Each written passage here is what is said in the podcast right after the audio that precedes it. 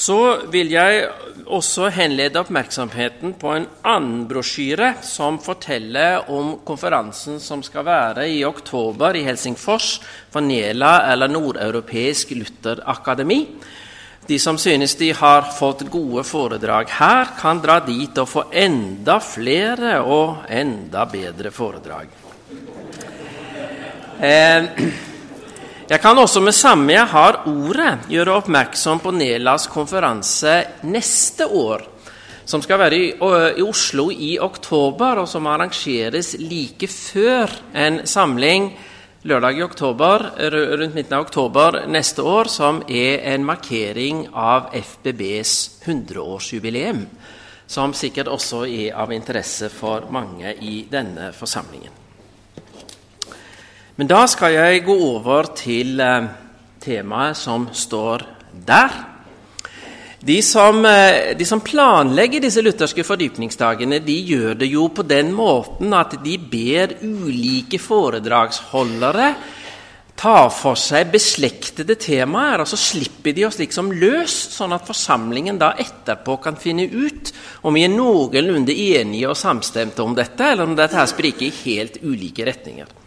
Så dere vil jo se at det temaet som jeg nå har fått, har en viss overlapping med det temaet som vi hadde før lunsj, om første eh, bud i katekismen. Og selv om jeg ikke skal si så mye om katekismen, så får dere jo da tenke etter med dere selv om, eh, om dette stemmer sånn noenlunde overens. Jeg eh, skal begynne i bibelteksten. Det er jo et godt sted å begynne.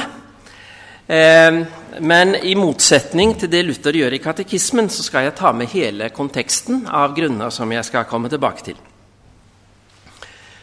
Første Mos, andre Mosebok, kapittel 20. Gud talte alle disse ordene.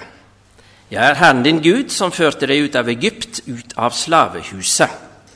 Du skal ikke ha andre guder enn meg. Eh, du skal ikke lage deg gudebilder ingen etterligning av noe som er oppe i himmelen eller nede på jorden eller i vannet under jorden. Du skal ikke tilbe dem og ikke la deg lokke til å dyrke dem, for jeg, Herren din Gud, er en nidkjær Gud som straffer barn i tredje og fjerde ledd for fedrenes synd når de hater meg, men viser trofast kjærlighet i tusen slektledd mot dem som elsker meg og holder mine bud. Slik går det når en ikke overholder dette budet. Da lager en seg avgudsbilder. Forbudet mot gudebilder i denne teksten er veldig skarpt og poengtert formulert. Du skal ikke lage deg noe bilde.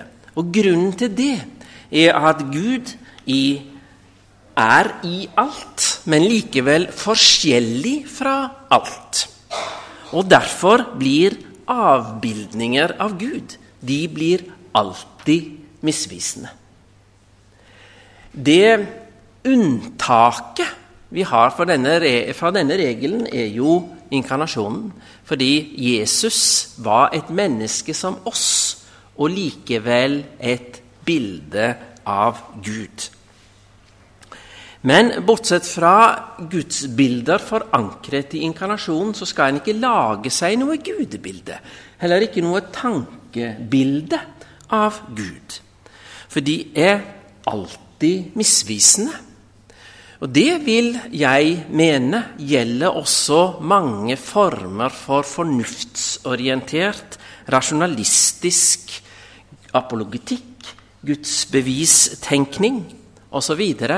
De legger seg litt på tvers i forhold til den veldig skarpe avvisning av gudebildet vi har i 2. Mosebok kapittel 20.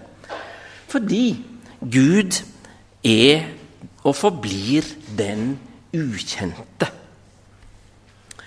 Eh, og dette er veldig skarpt og tydelig eh, markert i mange tekster i Det nye testamentet. Eh, eh, dyp av visdom og rikdom og kunnskap hos Gud, hvor uransakelige hans dommer er, hvor uerkjennbare hans veier. Eller 1. Timoteus, det er Romerne 11, 33, eh, litt fritt gjengitt. Eller 1. Timoteus brev, kapittel 6, vers 16, hvor det står om Gud, er at han bor i et lys der ingen kan komme, han som intet menneske har sett og ingen kan se og derfor heller ikke kan lage seg noen meningsfylt avbildning av. Men hvordan identifiseres da Gud for oss? Jo, Gud identifiseres for oss gjennom fortellingen om hans gjerninger. Han identifiseres for oss, dvs. Si, han identifiserer seg for oss for dem som har en personlig involvering, som har en personlig interesse i sin gudsrelasjon. Det gjelder livet. Derfor forklaringen til første bud i Store katekisme, som er veldig interessant, altså Luthers store katekisme, som er en veldig interessant tekst å, å reflektere over i denne sammenheng. For der sier Luther at Gud Ens Gud er den som en i praksis har tillit til og vente seg godt fra i livet. Derfor så får vi i krisetider vite hvem det egentlig vi er, har som Gud i vårt liv, om det er den sanne Gud, eller om det er avguder. For det er i krisetider vi får vite hvem som har vår tillit. Eh, de gjerningene Gud identifiserer seg for oss ved, er ifølge Bibelen to ulike grupper av gjerninger. Og vi kan sammenfatte de med skapelsen og frelsens sammenheng. Gud identifiserer seg for oss gjennom sine gjerninger i skapelsen gjennom de velsignelser han lar strømme ut for oss. Og han identifiserer seg gjennom fortellingene om sine frelsesgjerninger. Dette snakket jeg litt om på torsdag for de som var der da. Innledningen til De ti bud, andre Mosebok kapittel 20, fokuserer ensidig på Guds frelsesgjerning, på Guds utfrielsesgjerning, da han tok Israels folk ut av slavehuset, ut av Egypt. Men dette er jo fortellingen om det Gud gjorde den gang for jøder. For oss må referansen for Guds frelsesgjerning forstås på en annen måte. Gud frir oss ut gjennom sine frelseshandlinger av syndens skyld Jesus kom for å gi sitt liv som et løsepenge for mange. Markus 10, 45, Så er det ingen fordømmelse for den som er i Kristus Jesus. Romerne 8, 1.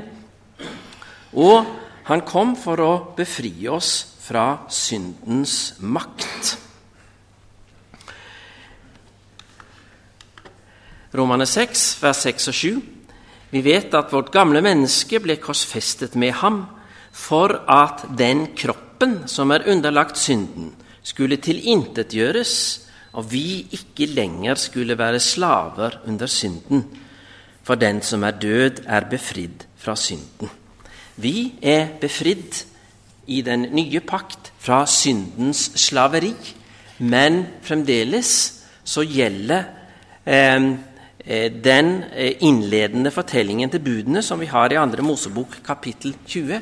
Gud ved sine frelsesgjerninger befrir oss fra slavesammenhengen.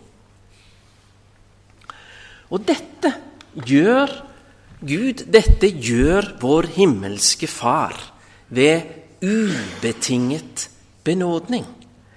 Våre kvalifikasjoner inngår ikke på noe punkt i, eh, som en betingelse for Guds frelsesgjerninger. 5. Mosebok, kapittel 7, vers 7-8.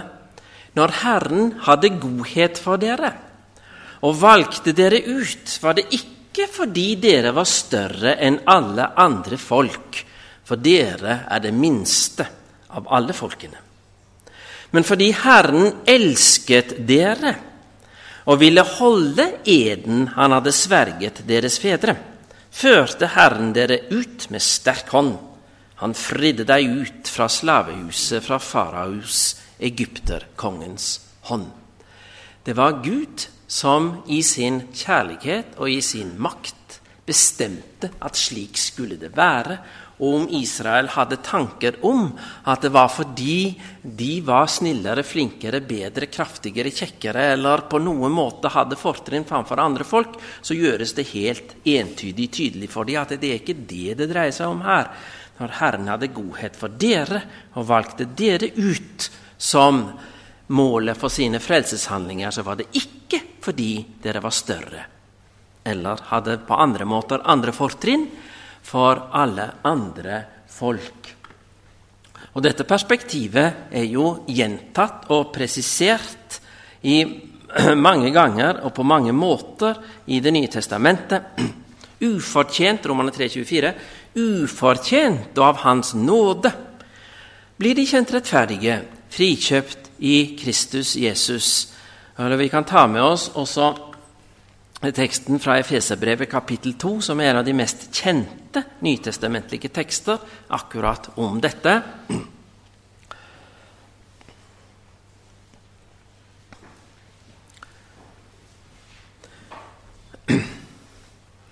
For av nåde ja, Jeg kan lese fra vers 7. Slik vil han i de kommende tider vise hvor overstrømmende rik han er på nåde, og hvor god han er mot oss i Kristus Jesus. For av nåde er dere frelst ved tro. Det er ikke deres eget verk, men Guds gave. Det hviler ikke på gjerninger for at ingen skal skryte av seg selv.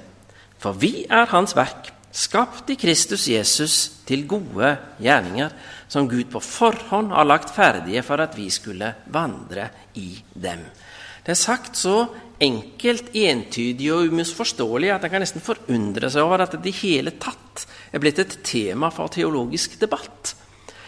Mottakerens kompetanse og kvalifikasjoner er ikke en del av beregningsgrunnlaget. Det er ikke en del av frelsesgrunnlaget. Det er ikke en motiverende årsak for Guds frelsesgjerninger. Frelsesgaven inkluderer et fullt medlemskap i Guds folk. Det ser vi i Det gamle testamentet, og det gjelder på samme måte i det nye.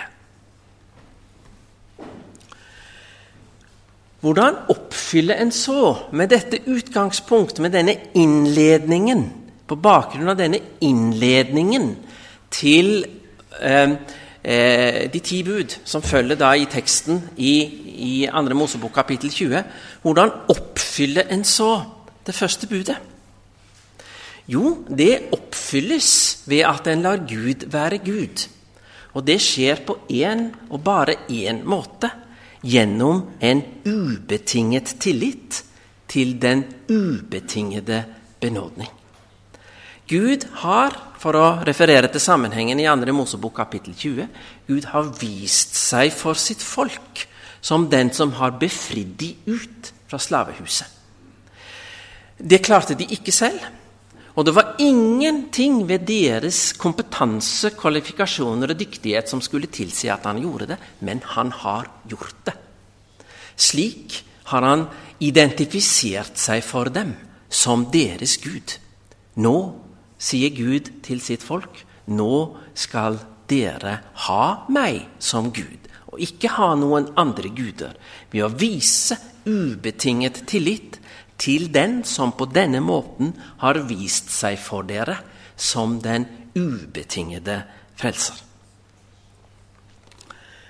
For oss mennesker er det et kontraintuitivt livsgrunnlag, for å, for å formulere det med et, med et, litt komplisert ord. Altså, Det er en måte å tenke på som ikke er naturlig for oss.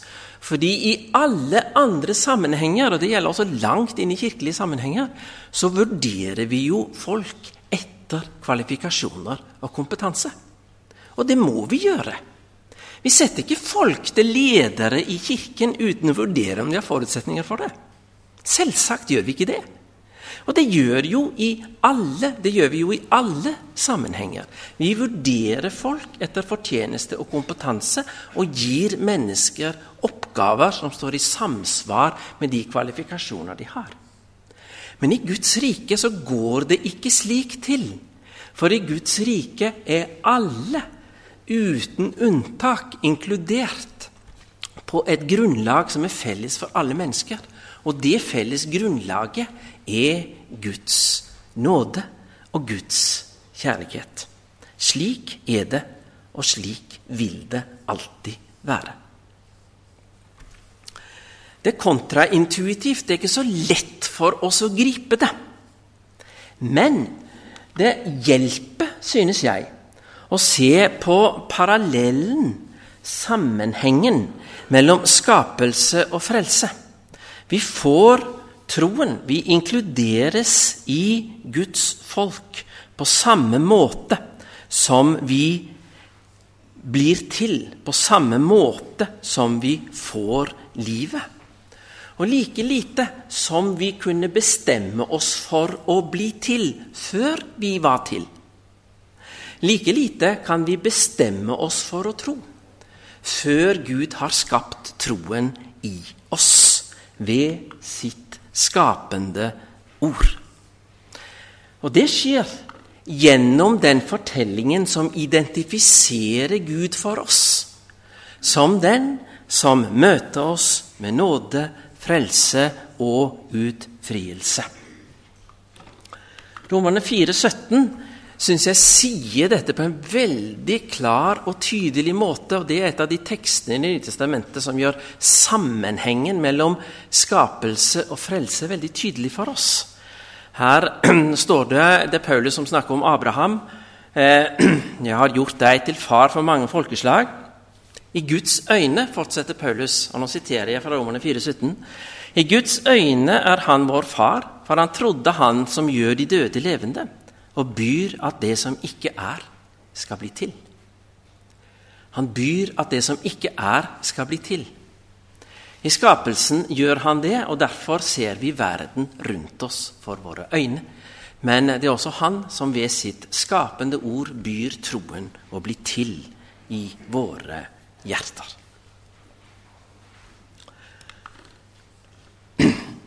Denne Guds nåde den er både et livsgrunnlag og et ideal for oss.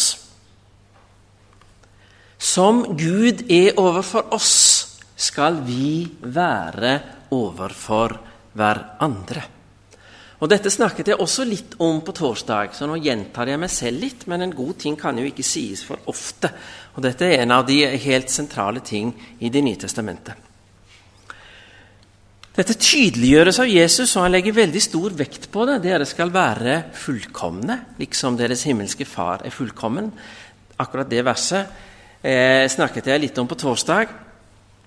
Eh, men Jesus gjentar dette med mange ord og i mange sammenhenger. Johannes 13, kapittel 15.: Jeg har gitt dere et forbilde. Slik jeg har gjort mot dere, skal også dere gjøre.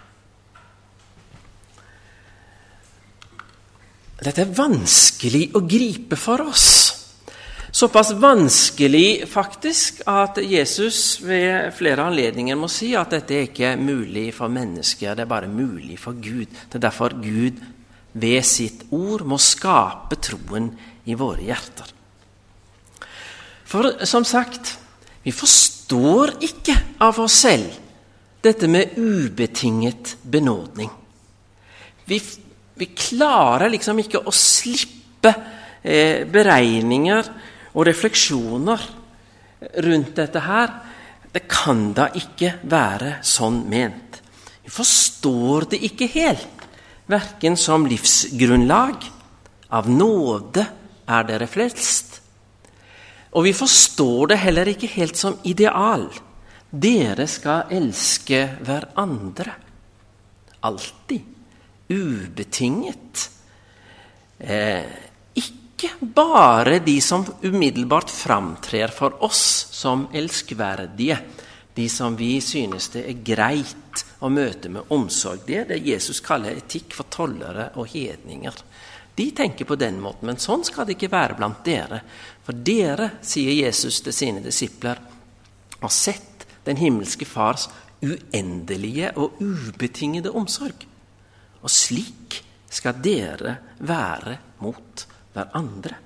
Dere skal ha den ubetingede nestekjærlighet som allment orienteringspunkt i livet. Jesus mener faktisk det. Og selv om disiplene, som jeg eh, snakket litt om på torsdag, eh, av og til, og stort sett, ikke skjønte mer av dette enn at de protesterte på det, så begynte begynte jo å sige inn hos Herrens apostler etter hvert. Og Paulus kan snakke noe om den bedre vei kjærlighetens vei, kjærligheten som utholder alt, tror alt, håper alt og tåler alt. Og da er vi i nærheten av Jesu utleggelse av nestekjærlighetsbudet som reelt styrende for forholdet mellom mennesker.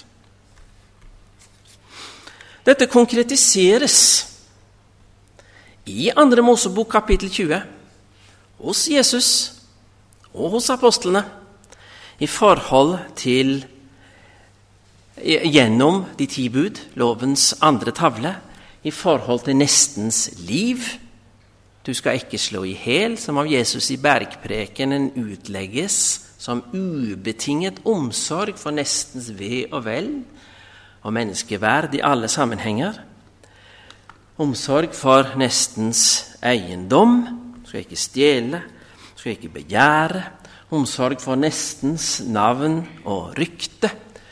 Du skal ikke si falskt vitnesbyrd mot det neste i forholdet til foreldre og i forholdet til ektefelle og ekteskap. Alt forstås som konkretiseringer av kravet om å møte medmennesket med den samme ubetingede omsorg og kjærlighet som Gud Fader møter oss med slik når han identifiseres for oss gjennom fortellingen om hans gjerninger. For oss selvsagt først og fremst evangeliet om hans sønn. Teologer har brukt mye blekk og mye tanketimer på å gruble over dette spørsmålet. Finnes det en egen kristen etikk? Finnes det spesielle moralbud bare for troende? Dette spørsmålet er veldig enkelt å svare på, fordi det må besvares både med, nei og ja. Selvsagt så kan det jo generere mange avhandlinger, men det enkle svaret er sånn. Det finnes ingen spesiell kristen etikk fordi de bud som gis i loven, i Jesu nestekjærlighetsbud, i Jesu forkynnelse, de gjelder alle mennesker uten unntak. Fordi de er forankret i Guds gode skapervilje og det finnes ingen mennesker som ikke er skapt av Gud og står under forpliktelsen til medmenneskelighet og nestekjærlighet. Men samtidig så er troen ut fra Det nye testamentet det, det, det ubetingede tillitsforhold til Gud en forutsetning for å kunne ta dette inn over seg. Dette snakket jeg også litt om på torsdag. Tillit til Gud som giver av skapelsens og frelsens ubetingede gave, er en forutsetning for å gripe denne sammenhengen. Uten fortellingen om Gud som den som gir seg selv for oss, så blir det ikke noe tillitsforhold. Og dermed heller ikke noen mulighet for å praktisere den omsorg for medmennesket som både den gammeltestamentlige lov og Jesu forkynnelse legger oss på hjertet. Det som skjer når fortellingen om Gud ikke får skape den ubetingede tillit til Han i oss, er at vi lager oss våre egne gudebilder. Dette hørte vi om i formiddag, og jeg snakket litt om det også på torsdag. Hvis ikke Gud ved sitt ord får legge den ubetingede omsorg til hans kjærlighet og, eh, og omsorg i våre hjerter, vil alle Guds moralbud bli møtt med innvendingen 'Dette kan da ikke være ment slik'. Ikke bare moralbudene, men også frelsesforkynnelsen. Dersom ikke fortellingene om Gud, de bibelske fortellingene om Gud Fader, får identifisere Han for oss, så vil vi i våre hjerter lage våre egne gudebilder. Og de vil alltid, uten unntak, være karakterisert ved en forståelse av at både frelse og nestekjærlighet må være betinget av motytelser. Vi er da gode mot de som er gode mot oss, altså det Jesus kaller en etikk for tollere og hedninger. Men de radikale etterfølgelseskravene de blir jo stående. Vi har de jo i Bibelen. Og vi kan jo ikke bare overse de. Hva blir resultatet da?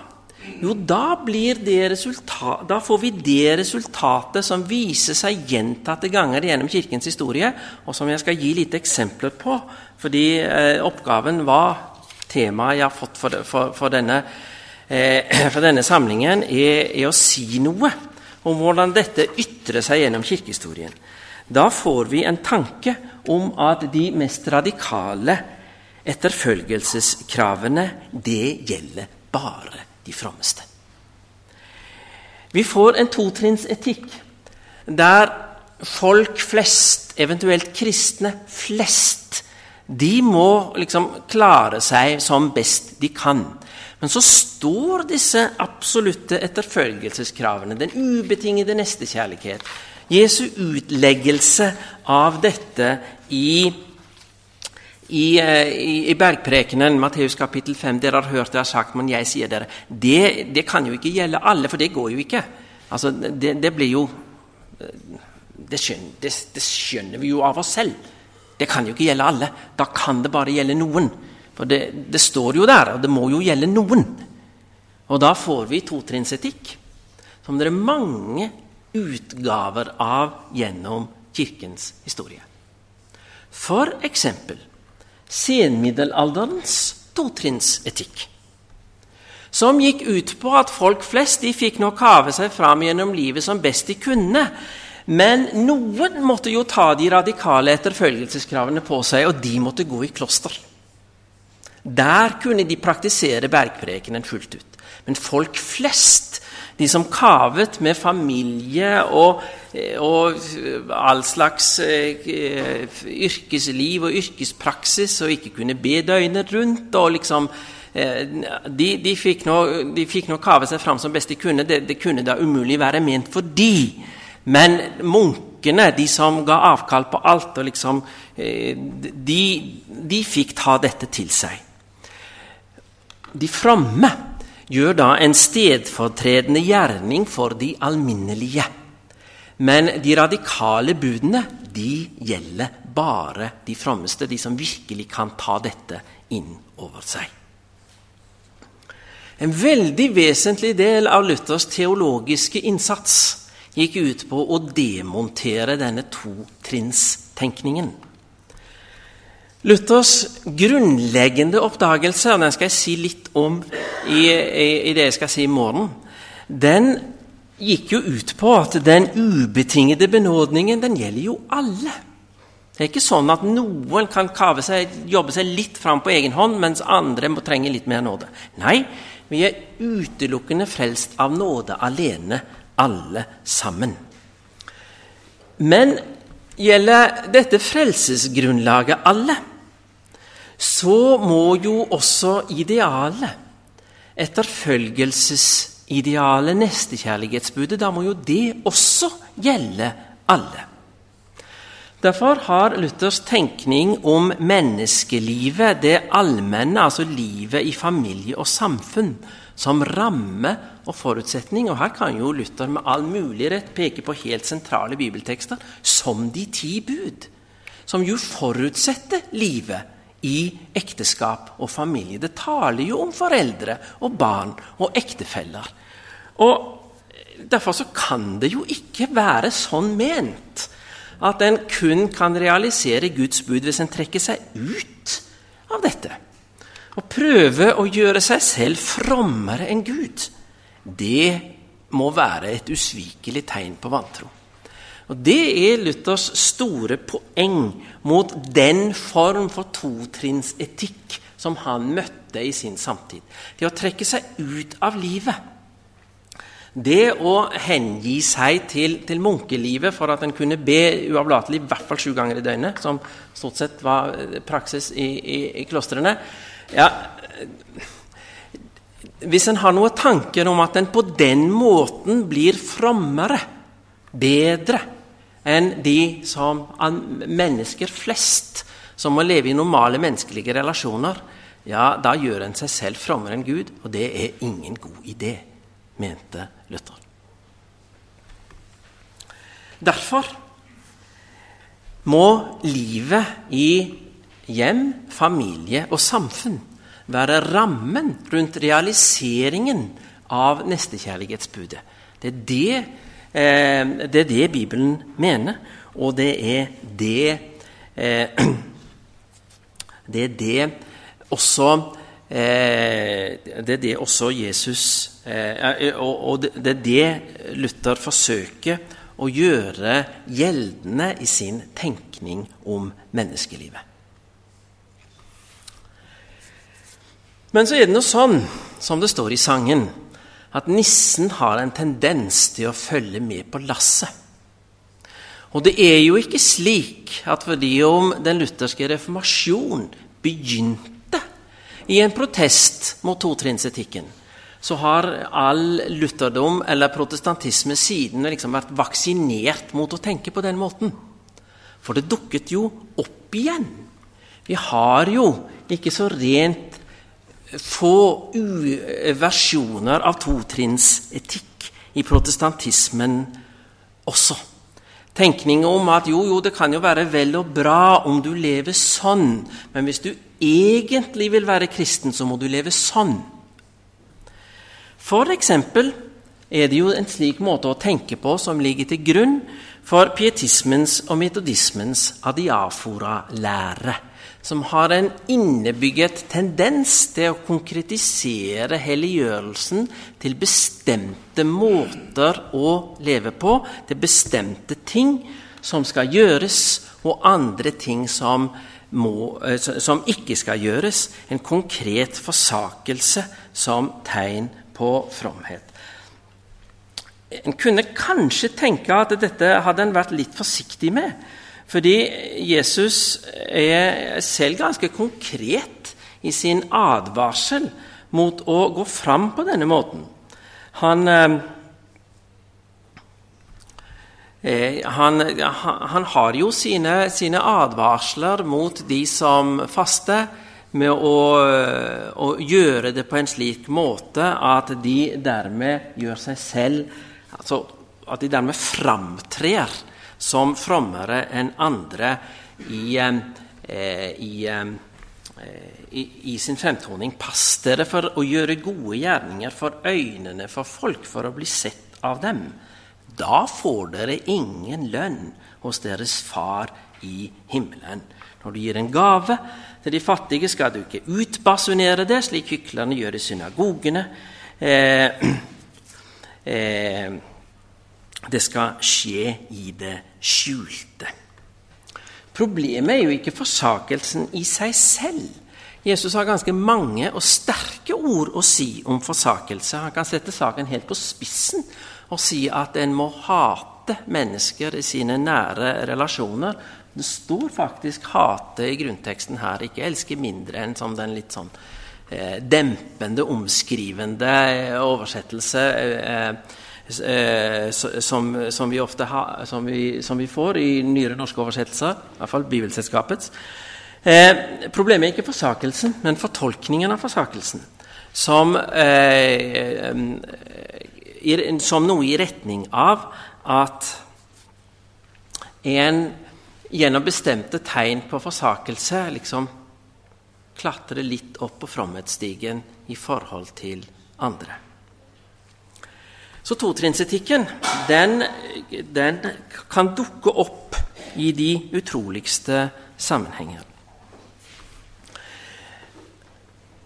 Vi er definitivt ikke befridd for det i våre sammenhenger, selv om den lutherske tradisjonen jo tross alt har ganske sterke sperrer bygget inn mot dette. Vi ikke, men vi skal ikke tro om oss selv at fordi vi er gode lutheranere, eh, så, så, er liksom dette noe som Dette er et problem, dette er en utfordring som vi slipper unna.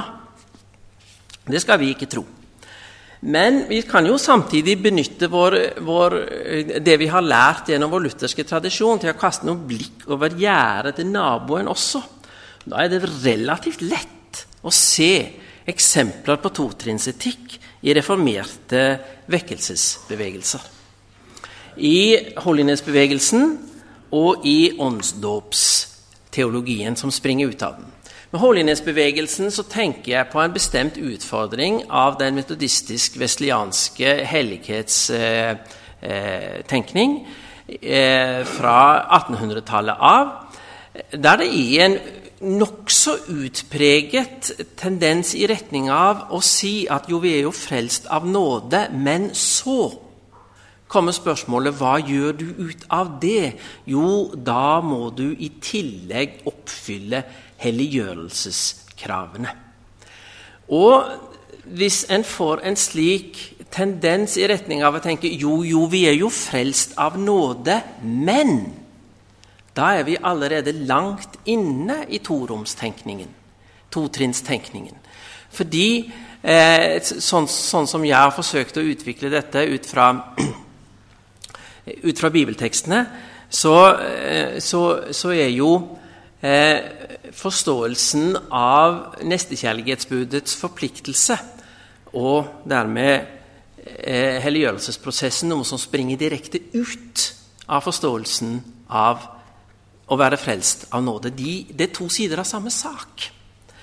Men vi har en utpreget tilbøyelighet, og som sagt, det kan ofte være lettere å få øye på det hos naboen, eh, til å tenke at jo, vi er frelst av nåde, men så kommer det som egentlig skjer. Og det er den måten å tenke på som i veldig stor grad ligger til grunn for den forståelsen en har i reformerte sammenheng, pinsebevegelse og karismatiske sammenhenger, hvor den, den helliggjørelse som det egentlig dreier seg om, det som det egentlig gjelder å nå fram til, er den som viser seg i helbredelser. Det har vi fra, fra 1800-tallet av før pinsebevegelsen, egentlig, eh, tungtalen.